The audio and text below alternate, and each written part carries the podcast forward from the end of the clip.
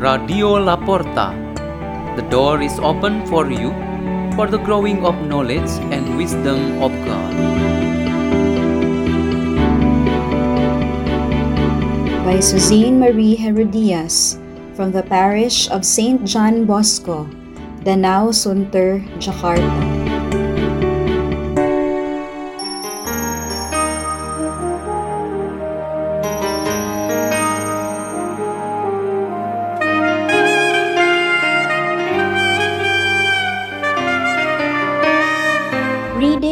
Meditation on the Word of God, Tuesday of the second week of Advent, December 8, 2020. The Solemnity of Our Lady of the Immaculate Conception.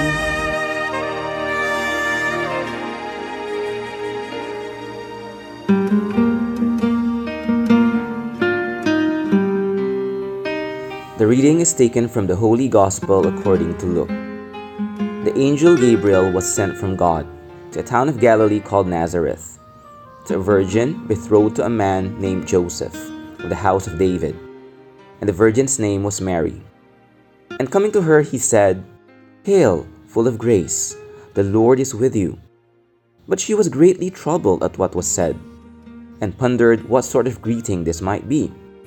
Then the angel said to her, Do not be afraid, Mary, for you have found favor with God.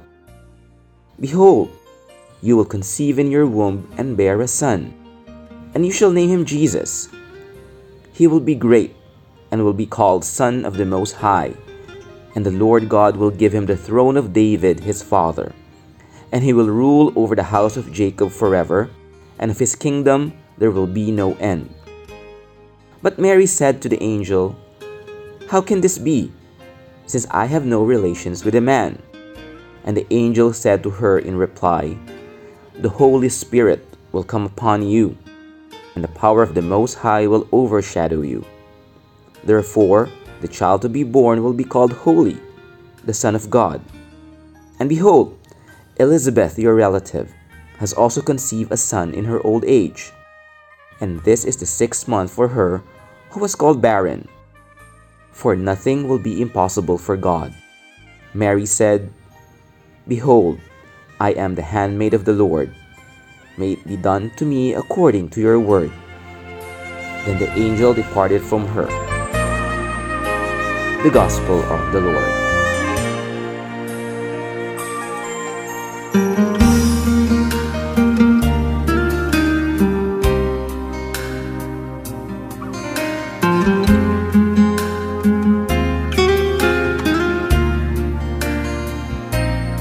December 8, a special day in our church, the feast of Our Lady of the Immaculate Conception, our meditation has the theme Holy from the Beginning. This celebration has been in the practice of the Church's worship since year 1845.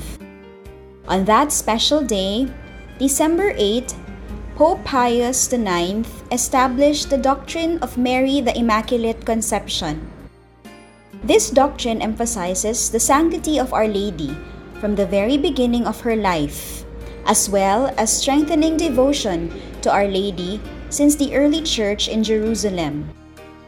Among other things, one important thing to be noted is the development of this devotion that has been marked by the fine fruit in the spreading of the prayer of Hail Mary throughout the world. Its first part, Hail Mary, full of grace, which is the greeting of the angel Gabriel in the Gospel of Luke today, is a heavenly recognition of holiness and full of grace made to Mary. This confession of holiness is so genuine.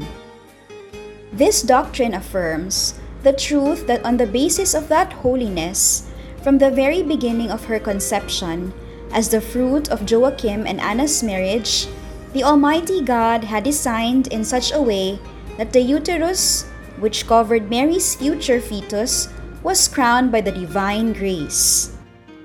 So the uterus was all blocked from any single intervention from the virus of original sin.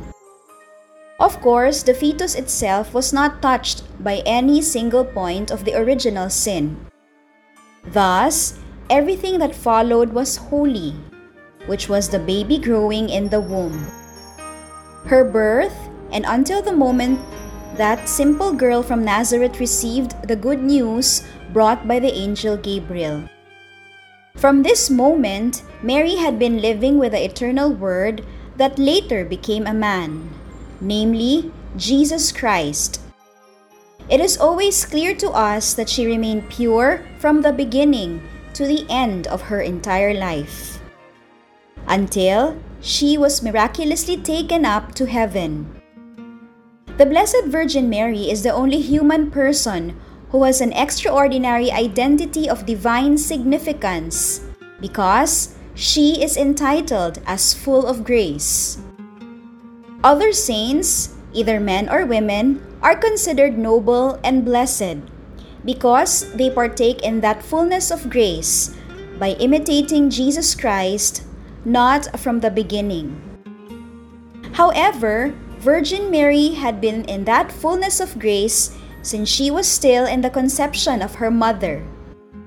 The greatness and holiness of Our Lady gives impact on us too. What does today's celebration mean to us? Here, at least, we can contemplate the three meanings of this solemnity of Mary Immaculate Conception. First, the ability to resist sin. The book of Genesis in the first reading speaks about the prince of evil, namely Satan, had been defeated by Jesus Christ.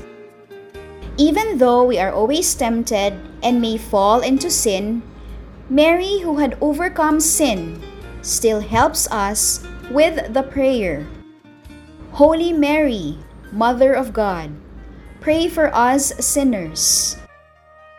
Second, in following the footsteps of Our Lady, we need to safeguard our dignity as followers of Christ because of our calling from the beginning, namely in Christ, as told by the second reading today. And the third, if we live with a determination to fight sins and evils, we are actually the true sons and daughters of the Blessed Virgin Mary. Let us pray. In the name of the Father, and of the Son, and of the Holy Spirit. O most loving Father, may we always imitate Our Lady in holiness and a life full of grace.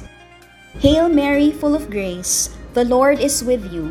Blessed are you among women, and blessed is the fruit of thy womb, Jesus.